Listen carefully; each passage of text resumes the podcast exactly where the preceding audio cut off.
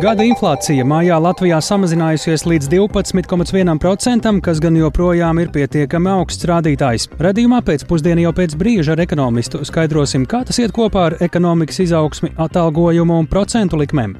Pamatīgu rezonanci sabiedrībā izraisījuši ģenerālprokurora Juris Stukāna pārmetumu Jēkabpils novadā nogalinātās sievietes advokātei par neizdarību.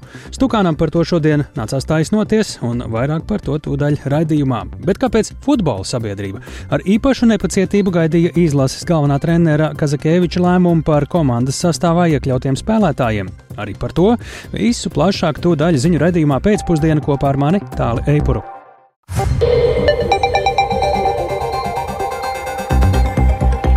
Ir 16,5 minūtes, skan pēcpusdienas ziņu programma, skaidrojot šodienas svarīgus notikumus. Studijā tālāk Eipurs.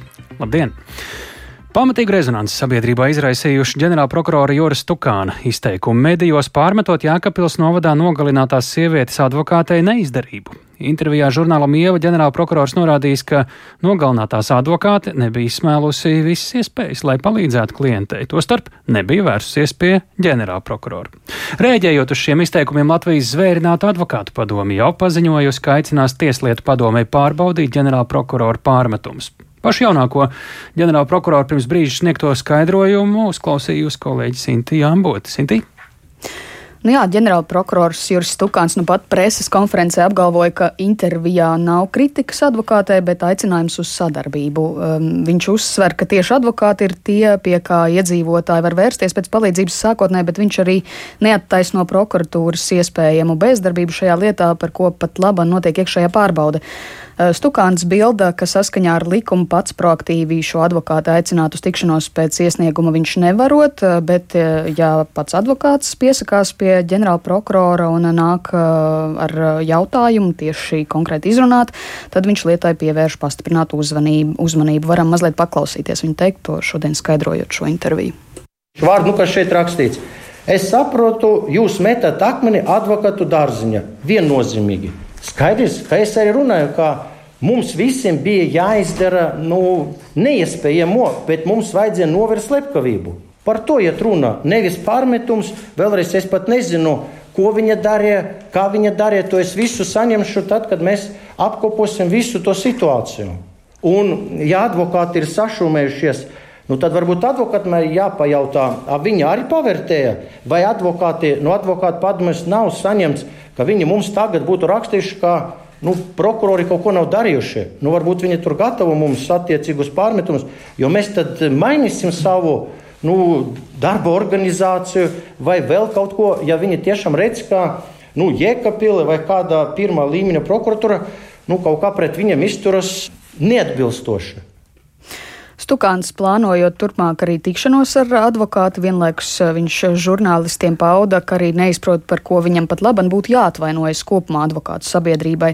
Bet tad atgriežoties pie šīs intervijas eh, žurnālā Ieva, viņš bija norādījis, ka viņa prāt, ja pēc vēstules nosūtīšanas viņš nereaģēja, tad tas bija jādara uzstaigāk tieši upura advokātei. Un tad citāts no intervijas, ja advokāte redzēja, ka attiecīgajā struktūra vienībā ir vienaldzība, vajadzēja pieteikties un pie manis atbraukt. Es viņu pieņemtu, runātu runātu un zibenīgi reaģētu, būtu iedziļinājies, izlasījis sievietes vēstuli, tiktu iesaistīti trīs līmeņu prokurori. Citāta beigas. Jēkabīlī nogalinātās sievietes advokāta Anna Nore ir pārsteigta par šiem pārmetumiem un sauc tos arī par nepamatotu reputācijas graušanu. Varam paklausīties. Ziniet, esmu vienkārši apmulsusi un sašutusi par šādu nu, apgalvojumu, ka advokāts ar savu lietu brauc pie ģenerāla prokurora izrunāties. Es tādu praksi Latvijā nezināju un vispār domāju, ka, ka tā ir absolūti nepareiza prakse. Un tas, ka prokurors, nu es tā saprotu, šajā rakstā ir pateicis, ka advokāts ir slikti darījis savu darbu. Es strādāju šeit pamatā Zemgales tiesu apgabalā un Tātad, ja tik augsta amatpersona pasaka, ka es slikti daru savu darbu, un es nezinu, vai pie manis vairs nāks klienti. Es uzskatu, ka tas ir eh, reputācijas graušana advokāta visas sabiedrības priekšā. Juriste turpina, ka cietusī bija kopā ar juristu sagatavojusi un nosūtījusi prokuratūrai iesniegumu pērn 15. septembrī, kas bijis izmisuma sauciens par reāliem dzīvības apdraudējumu riskiem un lūgta valsts aizsardzība. Un jau 20. septembrī no Zemgales tiesas apgabala prokurora Butlera tika saņemta rakstiska atbilde, ka jūsu iesniegums ģenerāla prokuratūrā saņemts, ka šis iesniegums tiks pievienots kārtējai krimināllietai par pret manu klientu veiktajām šīm uh, vardarbīgajām darbībām, un uh, ka nekādi papildus uh, tādi aizsardzības pasākumi, ko, ko mēs lūdzam, uh, netiks piemēroti. Ir šis lēmums par pagaidu aizsardzību, un prokurors uzskatīs, ka ar to ir pietiek. Uh, lūk, šāda bija atbilde. Un tam prokuroram, kuram ģenerāla prokurors tātad šo iesniegumu atgriez atpakaļ Zemgales tiesu apgabalā prokuroram Butleram, es ar viņu runāju, pati personīgi gāju runāt. Nu jā, un bez tā, ka uh, šie notikumi izraisīja plašas uh, runas uh, Twitter sabiedrībā, ja tā var teikt, dažādas arī amatpersonas izteica savu viedokli, bet arī Latvijas zvērnātu advokātu padome vērsusies tieslietu padomē ar aicinājumu veikt pārbaudī par šiem ģenerāla prokurora Juris Tukāna izteikumiem par Jēkabpilī nogalinātās sievietes advokātu un tieslietu padomu 16. jūnijā plāno izskatīt advokātu padomas lūgumu veikt pārbaudi par ģenerāla prokurora izteikumiem Tikmēr Saimnes juridiskās komisijas vadītājs Andrejs Judins no jaunās vienotības šo stukānu izteikumus komentēja kā nekorektus. Vienlaikus deputāts atzina, ka labprāt uzklausītu pašu stukānu sakāmo par šajā intervijā lasāmo.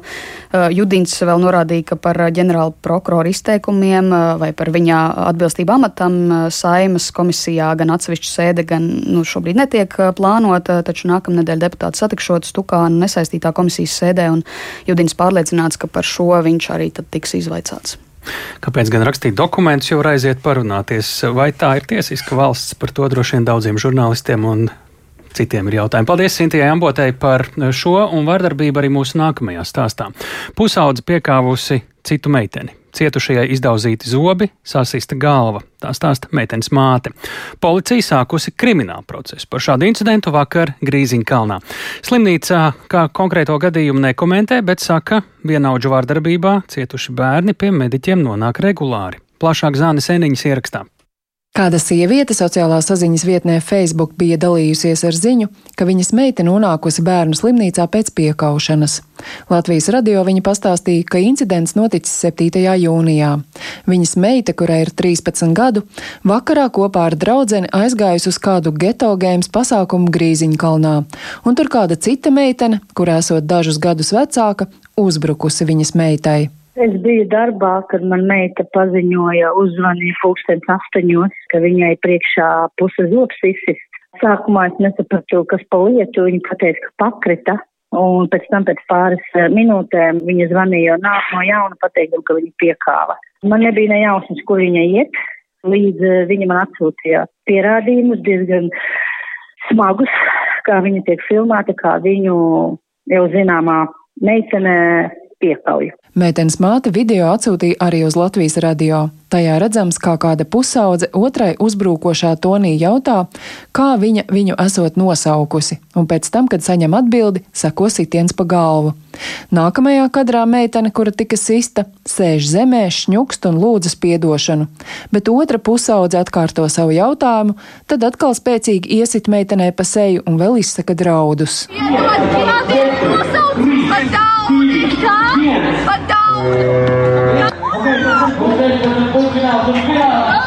iedod, Jāpiebilst, ka nofilmēts arī šī incidenta aculiecinieks. Meitenēm bija pienācis kāds vīrietis ar mazuli rokās. Piekautās meitenes māte arī pastāstīja, ka otra meitene nesot ne viņas meitas skolas biedrene, nedz arī dzīvojot tūmā, taču abas esot tikušās jau agrāk, un jau tad esot sākusi briest sadursme. Sievietei esot zināms, ka uzbrucēji esot kāda jauniešu grupējuma dalībniece. Policija pagaidām plašākus komentārus par notikušo nesniedz, lai netraucētu izmeklēšanai. Arī bērnu slimnīcā konkrēto gadījumu nekomentē, taču ārstniecības iestādes bērnu psihiatre Karina Beinerte teica, vienaudžu vardarbībā cietuši bērni slimnīcā nesot retums. Nav konkrēti dati, mēs tikai zinām, ka mēs šādas bērnas saņemam regulāri. Un, un tāpat arī publiski var dzirdēt, diemžēl, regulāri par situācijām, kad bērni ir bijuši fiziski vardarbīgi viens pret otru. Tāpat nesen bija notikums arī Imantā, kur šī problēma bija aktuāla. Tā ir nopietna sociāla problēma, diemžēl. Pēc ārstes teiktā, vienaudžu agresija gan nesot kāda pēdējā laika aktualitāte. Tā pastāvējusi visos laikos. Būtiski, lai pēc tam, kad upurim sadziedēti fiziskie ievainojumi, būtu pieejama arī psiholoģiskā palīdzība. Citādi veidojas dziļa psihotrauma, kas jaunietim apgrūtina turpmāko dzīvi. Sniegt šādu atbalstu esot Bērnu Kliniskās universitātes slimnīcas ikdiena. Savukārt vardarbība ir nepieļaujama un sodāma uzvedība, uzsvēra psihiatre. Zana Eniņa, Latvijas radio. Gada inflācija. Mai, Tātad eh, šis temats pēc brītiņa mēs eh, turpinām par mēģinājumu uzlabot situāciju eh, ģimenēs. Valsts bērnu tiesība aizsardzības inspekciju pārveidos par atbalsta organizāciju bērniem, bāriņiem un sociālajiem dienestiem. Mērķis ir jau agrīnā stadijā atpazīt problēmas un sniegt piemērotu atbalstu gan grūtībās nonākušajiem bērniem, gan ģimenēm. Ko nozīmē un kā vērtējami Labklājības ministrijas plāni veidot jaunu pieeju bērnu tiesību aizsardzības jomā plašākā Gnīs Lāsdiņas ierakstā? Valsts bērnu tiesība aizsardzības centrs, Latvijas atbalsta centrs ģimenēm ar bērniem un jauniešiem, ģimeņu atbalsta centrs. Šie ir daži no variantiem, kā iespējams vēlāk pārsauks valsts bērnu tiesība aizsardzības inspekciju. Potenciālos nosaukumus piedāvāja vairāk nekā 170 cilvēki Labklājības ministrijas veidotajā aptaujā. Lai gan diskusijas par nosaukumu vēl turpināsies, skaidrs ir tas, ka valsts bērnu tiesība aizsardzības inspekcija tiks pārveidota. Kā stāsta Labklājības ministrē Vika Siliņa no jaunās vienotības, savstarpēji sadarbojoties veselības, izglītības un labklājības nozarēm, mērķis ir attālināties no primāras sodīšanas un vairāk pievērsties rehabilitācijai, sociālo prasme apguvei un izglītošanai, lai pēc iespējas ātrāk varētu sniegt atbalstu bērniem, vecākiem, pašvaldībām, tostarp bāriņtiesām un sociālajiem dienestiem. Mēs šādā virzienā uzskatām, ka ir inspekcijai jātīstās. Skaidrs, ka tā uzraudzība jau nepazudīs, viņa paliks, bet saskaroties un runājot ar dažādām pašvaldībām, skaidrs, ka bieži vien pietrūks vienkārši padoma vai metožu, ko darīt šādās situācijās. Un ja mēs ātrāk arī veidot tādu komandas bērnu inspekcijā pašā, kas grūtākos gadījumos arī varētu palīdzēt gan izglītības iestādēm, gan pirmsskolai, gan tur, kur tieši šīs problēmas rodas, tas varētu arī palīdzēt varbūt tiešām atrisināt tās situācijas netik daudz tur no vienas sodīšanas pāriet pie nākamās un nākamās. Un faktiski tas bērns centrā vairs pat nesanāk. Tad iznāk, ka uh, viņš riņķo pa visām tām iestādēm. Šobrīd tiek strādāts pie projekta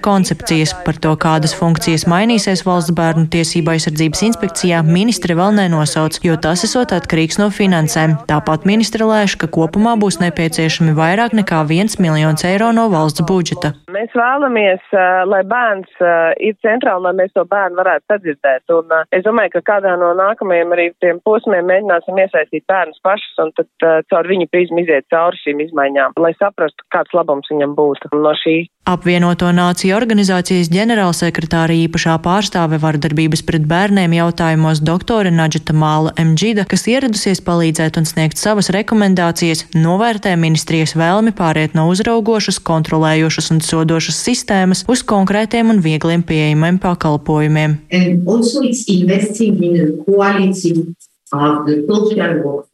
Jums ir jāiegulda sociālajā darba spēkā, un ar sociālo darba spēku es domāju ne tikai sociālos darbiniekus, bet arī skolotājus, baznīcas pārstāvis, juridiskās palīdzības sniedzējs, principā visus cilvēkus, kas ir iesaistīti darbā ar bērniem un ap bērniem, lai šiem cilvēkiem būtu nepieciešamās prasmes. Un šajā ziņā es arī novērtēju to, ka jūs plānojat reorganizēt bērnu tiesību aizsardzības inspekciju, lai tā kļūtu par tādu atbalstošu iestādi, kas nodrošina nepieciešamos rīkus, lai šajā darbā ar bērniem iesaistītās personas zinātu, ko tieši darīt konkrētā situācijā. ANO pārstāve uzsver, lai rastu nepieciešamo risinājumu dažāda veida problēmām, piemēram, cīņai ar vardarbību, ir ļoti svarīgi iesaistīt arī bērnus un ieklausīties viņu viedoklī, jo bērni ir daļa no risinājuma šīm visām problēmām. Agnija Lazdiņa, Latvijas radio. Gada inflācija maijā Latvijā samazinājusies līdz 12,1%, kas gan joprojām ir pietiekami augsts rādītājs. Patēriņa cenas mēneša laikā maijā salīdzinājumā ar aprīli augušas par 1,2%. Tā piemēram, ar mājokli saistītām precēm un pakalpojumiem vidējais cenu līmenis mēneša laikā audzis par 6,5%. Tāpat kopš 1. māja valsts atbalsta instrumenti energoresursu cenu pieauguma kompensēšanai mājsaimniecībām zaudēja spēku un līdz ar to elektroenerģijas cena vidēji auga par 28%. 9,5%, bet siltumenerģija kļuva dārgāka par 8,4%. Dārgāk kļūs ūdens apgāde, atkritumu savākšana, kanalizācijas pakalpojumi, savukārt dabasgāze mēneša laikā kļūs lētāka vidēji par 26%. Veselības aprūpas grupā cenas mēneša laikā augušas par 1%, bet ar transportu saistītas preces un pakalpojumi mēneša laikā kļuva lētāki par 2,3%. Tas diezgan cieši saistīts ar degvielas cenu kritumu. Sebbankas makroekonomikas eksperts Gdainis Gašpoitis eh, pie mūsu klausos. Labdien! Labdien! Nu, inflācija nav abstrakts cipars, tā sastāv no liela daudzuma dažādu cenu. Kurām cenu izmaiņām un kāpēc jūs pievērstu īpašu uzmanību pēdējā mēneša laikā, jo īpaši? Nu, pēdējos mēnešos ir svarīgi un interesanti sekot līdzi tam, kā mainās uh, cenu līmenis uh, attiecībā pret iepriekšējo mēnesi. Tādēļ varbūt māja rādītājs nu, īsti tādu nu, prieku neradīja, jo tas līmenis turpināja kāpt. Līdz ar to bija tāds nedaudz nepatīkams pārsteigums. Bet nu, nosacīti tāda varbūt labā ziņa ir tā, ka beidzās šie atbalsta pasākumi, un, un izņemot tos, mēs redzam, ka tomēr nu, teiksim, tas spiediens no caurmērā ekonomikas tur nu, tas, nu, ir salīdzinoši tāds, nu, ja tā teikt, nu, ātri tempu zaudējoši. Ja.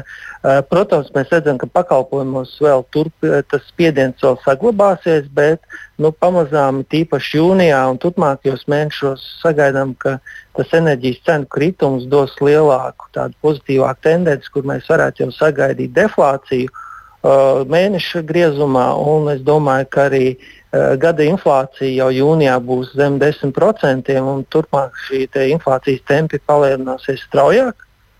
Bet nu, jau, lielākais un būtiskākais jautājums ir, kā attīstīsies pārtiks cenas, jo tas šobrīd būs, būs nu, teikt, uh, primārā aktualitāte. Nu jā, redzot šo tendenci, tā jau kopš decembra ir diezgan strauja gada inflācijas krituma ziņā. Ir pamats cerēt, ka tā tendence turpināsies. Jūs teicāt, tuvākajos mēnešos varbūt pat vēl straujāk, bet nu, tādā jau ilgākā termiņā līdz tiem pašiem 3% Eiropas slavenajiem kā jūs to redzat? Jo nu, vienā brīdī bija bažas, ka mēs varam ieslīgt tādā stagflācijā kaut kādā ziņā. Un tā lielākā, uh, lielākās bažas ir par to, vai veidojas šis algu cenu spirāli. Jā, attiecīgi uzņēmēji paaugstina cenas, jo ir spiests palielināt algas un tā tālāk tā iegriežas. Jā. Uh, šobrīd nu, tas nu, nosacīti daļai ir redzams, varbūt ne pārāk pārliecinoši, bet mēs redzam, ka centrāla banka ir apņēmīga darīt visu, lai nu, tomēr tas cenu spiediens mazinātos. Līdz ar to es teiktu, ka Nākamgad, nu, vismaz atbilstoši tādas nu, plaša mēroga prognozēm, nu, mums vajadzētu atgriezties daudz maz jau ierastākā inflācijas tempā. Protams, lielā mērā viss būs atkarīgs no tā, kā veidosies enerģijas cenas un tas, kā attīstīsies nu, teiktu, gan Eiropas, gan arī pasaules ekonomika. Tur šobrīd tā, šī nenoteiktība ir pietiekami augsta. Ja. Ja ekonomikā būs lielākas problēmas, tad mēs, protams, varam, redzē, eh, varam sagaidīt, ka cenu kāpums eh, bremzēsies eh, straujāk.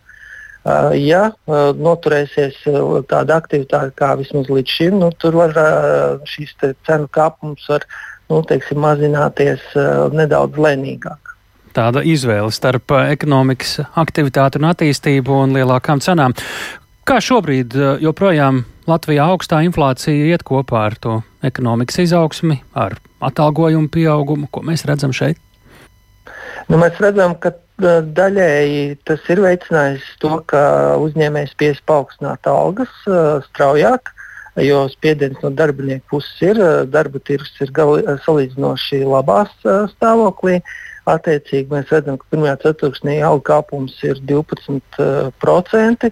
Un, protams, ka uh, tas ne, nekompensē visu šo cenu kāpumu, kas ir bijis straujāks. Tādēļ mēs redzam, ka uh, neskatoties uz to, ka iedzīvotāji turpina tērēt vairāk, uh, mēs redzam, ka nu, spēja nopirkt vairāk šobrīd ir ar negatīvu zīmi. Jā, īpaši mēs redzējām aprīlī mazumtirdzniecībā, un arī mūsu karšu dati rāda par māju, ka cilvēki līdzīgi tendēts, ka iztērēts ir vairāk nekā iepriekšējā gada maijā, bet eh, visticamāk, korģējot to ar inflāciju, nu, sagaidāms, ka pa, preču vismaz mazumtirdzniecībā būs atkal kritums. Ja? Nu, tā Jā. situācija varētu stabilizēties uz gada beigām. Nu, un, paskatoties uz vēl vienu inflācijas aspektu, kāda tā šobrīd caurmērā ir visā Eirozonā, mēs zinām, ka līdz šim mēs esam bijuši, diemžēl, līderos šajā ziņā. Un līdz ar to, skatoties uz Eirozonu, ko varētu, ko varētu prognozēt attiecībā uz procentu likmēm, tas arī daudziem rūp.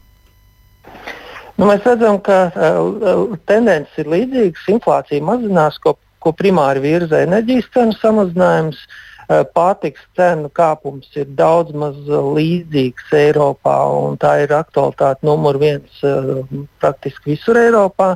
Attiecībā uz to, kā attīstīsies pamatinflācija, tas ir, ja mēs no kopējās inflācijas izņemam ārā pārtiks un enerģijas cenas, tas ir tas primārais fokus uz Eiropas centrālo banku. Līdz ar to uh, To, kā viņi attīstīsies, ir grūti prognozēt. Līdz ar to centrālā banka nesniedz skaidrs norādes, bet visticamāk mēs uh, jau šo, uh, teiksim, tā, tuvākajās dienās sagaidīsim vēl vienu uh, procentu likmju cēlienu.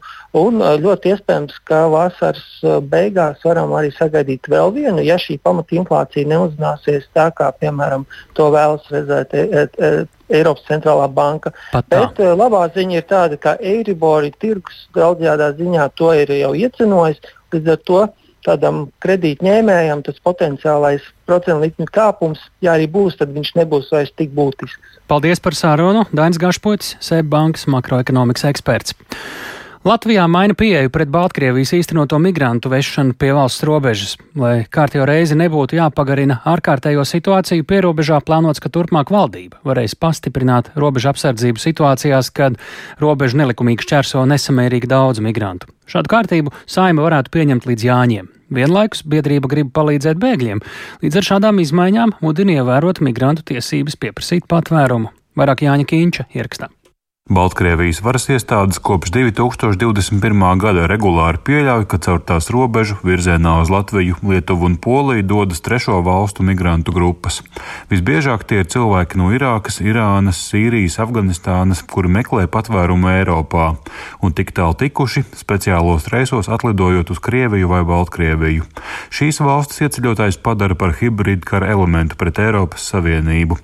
Līdz šim šo apstākļu dēļ vairākos Latvijas novados jau septiņas reizes pagarināta izsludinātā ārkārtējā situācija. Tā dod valsts robežsardzei un citām iestādēm tiesības pastiprināt rīkoties, nepieļaujot migrantu masveidīgu ieplūšanu Latvijā. Likuma grozījumi paredz vairs neturpināt ārkārtējās situācijas regulējumu, bet uzdod valdībai migrantu kārtējo uzplūdu gadījumos ātri reaģēt. Par to turpina Saimnes aizsardzības iekšlietu un korupcijas novēršanas komisijas vadītājs Raimons Bergmans no apvienotā saraksta. Ministrs kabinets var izsludināt robežu apsardzības sistēmas darbības pastiprinātu režīmu uz laiku līdz sešiem mēnešiem, ar iespēju termiņu pagarināt, līdz apdraudējums ir novērsts vai pārvarēts. Ministru kabinetam tiek deleģētas tiesības noteikt īpašu pārvietošanās un pulcēšanās kārtību, īpašu kārtību transporta līdzekļu kustībai vai tās ierobežojumus, kā arī konkrētu robežu čērsošanas vietu, darbības pilnīgu vai daļēju apturēšanu. Nelikumīgas robežas šķērsošanas gadījumu skaits nesarūk. 2021. gadā atturēti 4045, pagājušajā gadā 5286 cilvēki. Šogad šis skaitlis jau pārsniedz 3500.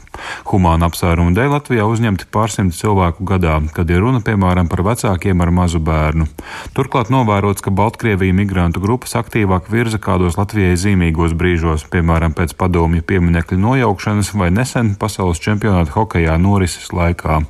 Tas pamato jauna, pastāvīga regulējuma nepieciešamību, piekrīt valsts robežsardze un tiesību sarga birojas. Vienlaikus par šīm likuma izmaiņām uztraukumu pauž biedrība gribu palīdzēt bēgļiem. Tās vadītāja Ieva Raubiško norāda, ka par spīti starptautiskām saistībām būs apdraudētas ārvalstnieku tiesības uz patvērumu Latvijā valsts robežas likuma pastiprinātais apsardzības režīms uz sešiem mēnešiem ar iespēju pagarināt, kā mēs saprotam, aizvērt vai daļēji aizvērt oficiālus robežu šķērsošanas punktus, nu, tad pilnībā vai ļoti būtiski ierobežos cilvēku iespējas iet caur šiem robežu punktiem, pieteikties patvērumam. Mūsu rīcībā esošā informācija liecina, ka ir tikuši atraidīti gan nepilngadīgi cilvēki no Latvijas robežas, gan ģimenes ar bērniem. Mūsuprāt, tas nav pieļaujami, un mēs neredzam, kā apstiprinošos grozījumus gadījumos cilvēku individuālie apstākļi varētu tikt rūpīgāk izvērtēti un ņemti vērā. Saimā ideju iesniegšanai likumprojektu papildināšanai dota nedēļa. Ar darbu pierobežā saistītos likumu grozījumus plāno pieņemt pavasara sesijas pēdējā sēdē 22. jūnijā. Jānis Kincis, Latvijas radio. Kā zināms, Latvijas robeža ir arī Eiropas Savienības ārējā robeža, un tieši par jauniem migrācijas noteikumiem mēģina vienoties Eiropas valstu iekšlietu ministri šodien Luksemburgā. Daudz politiķi cer, ka pēc trīs gadu diskusijām un kompromisu meklējumiem šodien tomēr izdosies rast kopsaucēju. Priekšlikums paredz, ka valstis, kas nevēlas palīdzēt ar migrantu uzņemšanu, tā vietā varētu sniegt finansiālu atbalstu. Plašāk par to tiešraidē ir gatavs pastāstīt mūsu Brīseles korespondents Arčuns Konohaus. Labdien, Arčum, kāda ir jaunākā informācija vai vienošanos jau ir izdevies panākt? Labdien, tālu, labdien, klausītāji! Nē, vēl joprojām notiek diskusijas. Mēs varētu uzzināt ap varbūt astoņiem vakarā pēc Latvijas laika par kādiem jaunumiem. Un, tas ir, protams, sarežģīts temats un tiešām jūtīgs temats, bet cerība joprojām saglabājas, ka ministriem pēc šo trīs gadu maratona, kā ir izteikusies iekšlietu komisāri, tomēr izdosies vienoties, bet dienas sākumā tomēr bija vēl vairāki atvērti jautājumi, kas nebija līdz galam izrunāti un par kuriem vēl vajadzēja panākt politisko vienošanos. Tomēr Zviedrijas migrācijas ministri un Zviedrija šobrīd ir prezidējošā valsts, tad, tad viņa atbild par šī dokumenta virzību un par kompromisu meklējumiem. Marija Malmere Stenergārda, viņa ir rosinājusi un tomēr mudinājusi ministrus vienoties, sakot, ka nekad nebūs pilnīgi ideāli apstākļi, lai pieņemtu kaut ko šādu. Paklausīsimies! It is not easy. Tas nav vienkārši. Es pilnībā respektēju to, ka katrā valstī ir unikāla situācija un ka daudzos gadījumos vietējā līmenī par šo ir ļoti smagas diskusijas. Bet tas ir labs priekšlikums un atbildīgi būtu vienoties par šo tagad, lai mēs varētu uzsākt sarunas ar Eiropas parlamentu. Tad ir būtiski pateikt, ka šīs vēl nebūtu gala uh, risinājums, gala lēmums. Uh, tas būtu tikai uh, tāda pozīcija, ko dalību valstis ieņemtu, un tad viņi varētu sākt diskusijas ar Eiropas parlamentu cerībā tās noslēgt līdz nākamgad gaidāmajām Eiropas parlamentu vēlēšanām. Tad, tad lai šajā sasaukumā noslēgt uh, šo diskusiju par uh, migrācijas noteikumiem un to uzlabojumiem. Tāli. Jā, Arķum, kāda tad uh, galu galā ir šīs migrācijas reformas būtība? Jo mēs jau pieminējām, ka par atteikšanos uzņemt pirmkārt migrantus uh, valstīm varētu uh, nākties arī maksāt. Cik daudz? Kā tas darbotos? Jā, šobrīd izskan cipars 20 tūkstoši eiro par katru cilvēku, ko valstis atteiktos uzņemt. Eh, mēs zinām, ka Latvijā šis ir diezgan jūtīgs temats, eh, un eh, mēs līdz šim neesam vēlējušies palīdzēt tādām valstīm kā Itālija, Grieķija vai citiem, kas sastopas ar lielu iebraucēju skaitu, un faktiski līdz šim tas pārsvarā ir pamatots ar to, ka šie cilvēki nemaz pie mums negrib braukt, ka viņi vēlas nokļūt vai no Ziemeļa Eiropā, vai no Vācijā, vai kaut kur citur.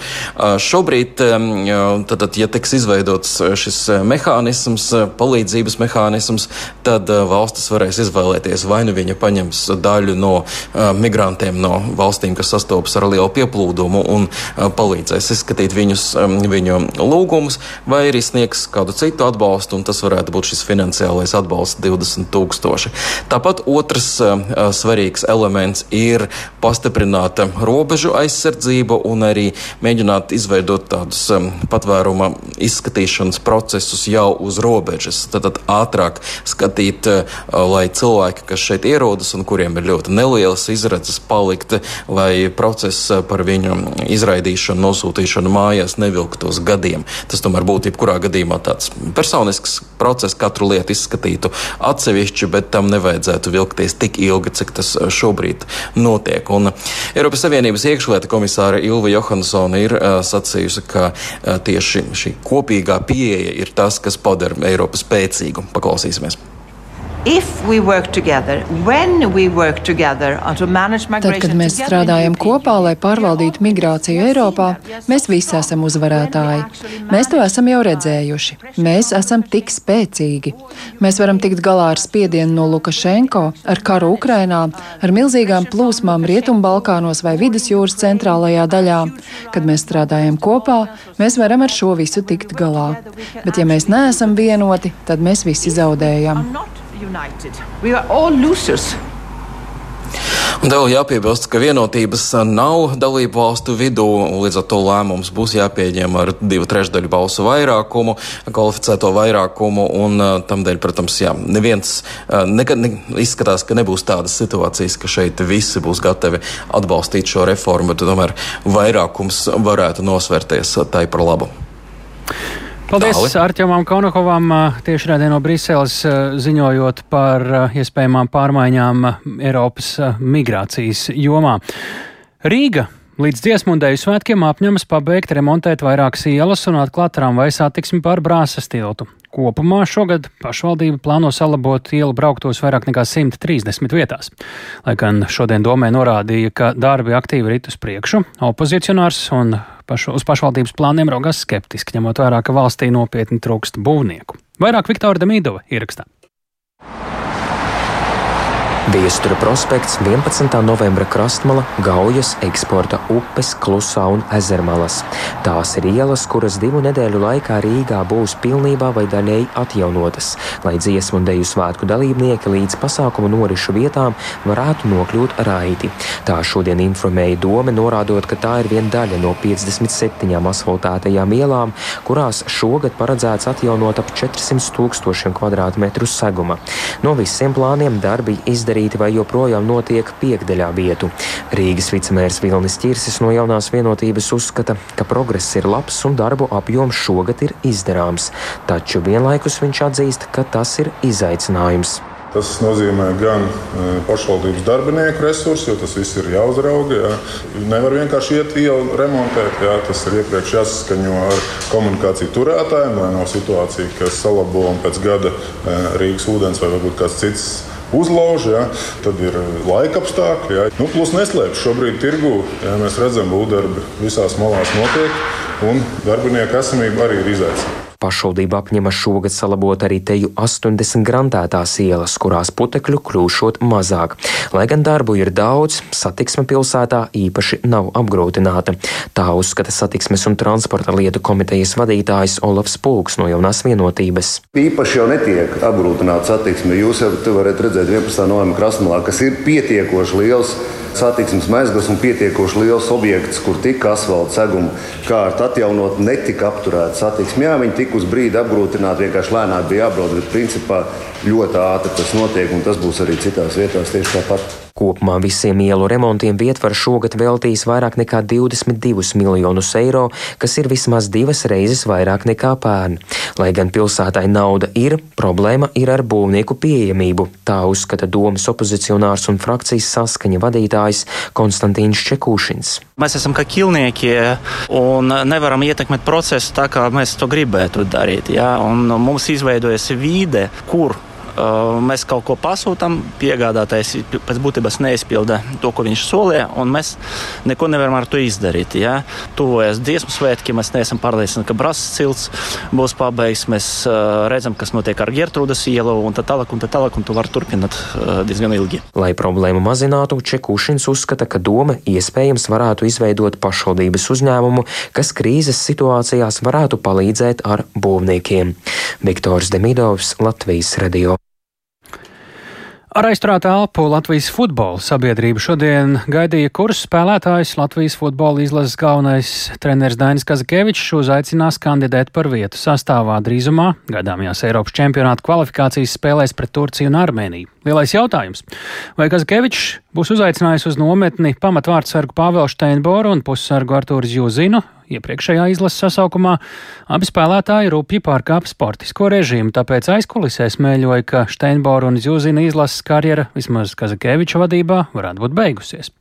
Futbola izlases kandidāta izziņošanai šodien sakoja kolēģis Mārtiņš Kļavinieks. Viņš šobrīd mums pievienojas tiešraidē.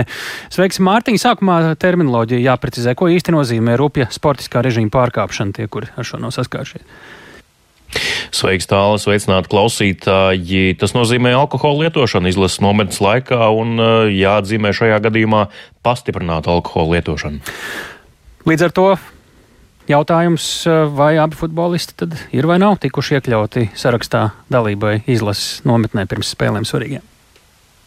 Jā, tas bija arī viens no pirmajiem uh, žurnālistu tādiem, uh, nu, um, tādiem uh, negluži tiešiem jautājumiem preses konferencē šodien, bet tiešām nu, vēlme numur viens, ko uzzināt, un atbildi nāca diezgan agri, jo tika nosaukts sastāvs uzvārdu pa uzvārdam, un sākot ar vārdsargiem, jā, bija skaidrs, ka Pāvela Steinbora nav šajā izlases sasaukumā. Vēlāk, aizejot līdz pussargiem, nebija arī Artūras Jūzina uzvārdi. Jā, šajā sasaukumā viņu nav nav. Un, um, ar kolēģiem vaicājām Dainam Kazakievičam, vai tas ir tikai uz šo sasaukumu, vai tas nozīmē, kā jau tāli iepriekš sacīja, ka kamēr Dainis Kazakievičs vada Latvijas futbola valsts vienību, šie uh, spēlētāji vispār netiks uh, vairs saukti uz izlasi.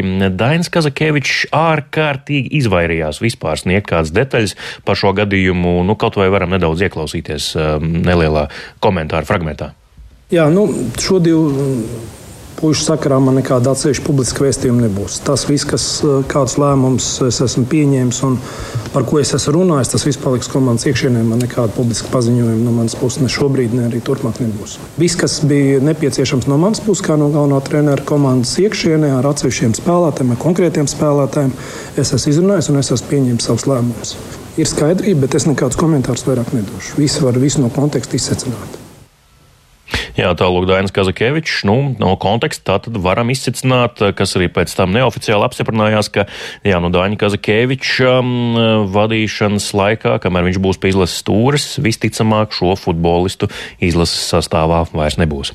Nu, te jautājums droši vien varētu būt arī federācijai par to, vai tā varētu būt arī turpmāk federācijas politika, vai tas ir tikai šī treneru stāsts, bet pavisam īsi, kāda tur bija tā priekšvēsture, par ko izpelnījās sportisti šādu sarkano kartīti no trenera. Jā, tātad pirmā Eiropas čempionāta kvalifikācijas spēle marta beigās Kārdifā pret Velsu. Labs sniegums Latvijas izlasē, zaudējums 0-1. Steinbors labu sniegumu parādīja vārtos, arī Artūrs Juzins labi spēlēja, bet, nu, beigu beigās pēc šīs spēles, nezinu kādu iemeslu dēļ, bet, nu, šī abi futbolisti pārmērīgi tomēr bija mm, aizsvinējušies, lai gan, ko svinēt nebija, tomēr zaudējums vai slīcināja bēdas šādā veidā, kas to lai zina, bet, jā, nu, tā, tas tā notika izrādās, ka Dainis Kazakievičs savām acīm to nebija redzējis. Viņam to pa citiem kanāliem nodeva šo informāciju citi cilvēki, un viņš pieņēma lēmumu, ka šie futbolisti vairs izlasē nebūs. Vismaz viņa vadībā esot bijušas pretrunas treneru korpusā, pretēji viedokļi, jā, tā jārīkojas vai nē, tā nav jārīkojas, bet nu, Dainis tomēr kā galvenais treneris pieņēma lēmumu, ka nē, šie futbolisti izlasē vairs nebūs. Cik liels rops tas ir komandas spēkā? Viņi bija samērā izteikti līderi savās pozīcijās. Jā, Steinbors bija pamatvārdsargs, izteikts pirmais numurs, uh, un tagad skatāmies vārdsargu pozīcijā, kas ir izsaukti uz izlasi.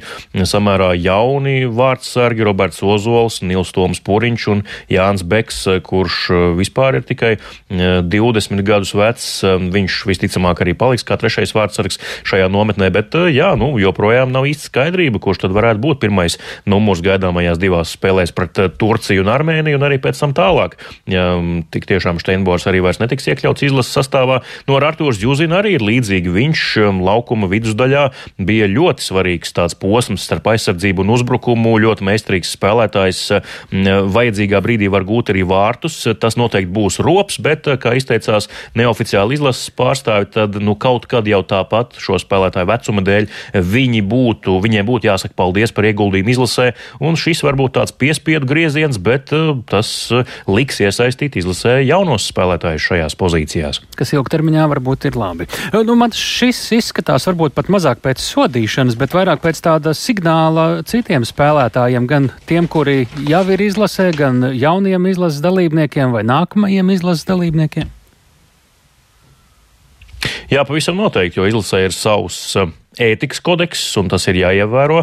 Ja tu to pārkāp, tad rēķinies ar sekām. Šis ir tāds ļoti spilgts signāls, un jāsaka tā, ka Dainim Kazakevičam tā nav pirmā reize. Viņš iepriekš ir vadījis arī um, izlasi puišiem vecumā līdz 21 gadam, un tur arī pirms vairākiem gadiem bija līdzīgs notikums. Tur pieci spēlētāji tika pieķerti alkohola lietošanā izlases nometnes laikā, un uh, nu, pēc tam arī uz šo konkrēto komandu viņi vairs netika aicināti, un arī uz lielo izlasi Dainim sākot to vadīt, uh, nu, uz visiem viņiem viņiem viņš ir tādu šķību acis, teiksim, tā skatījies.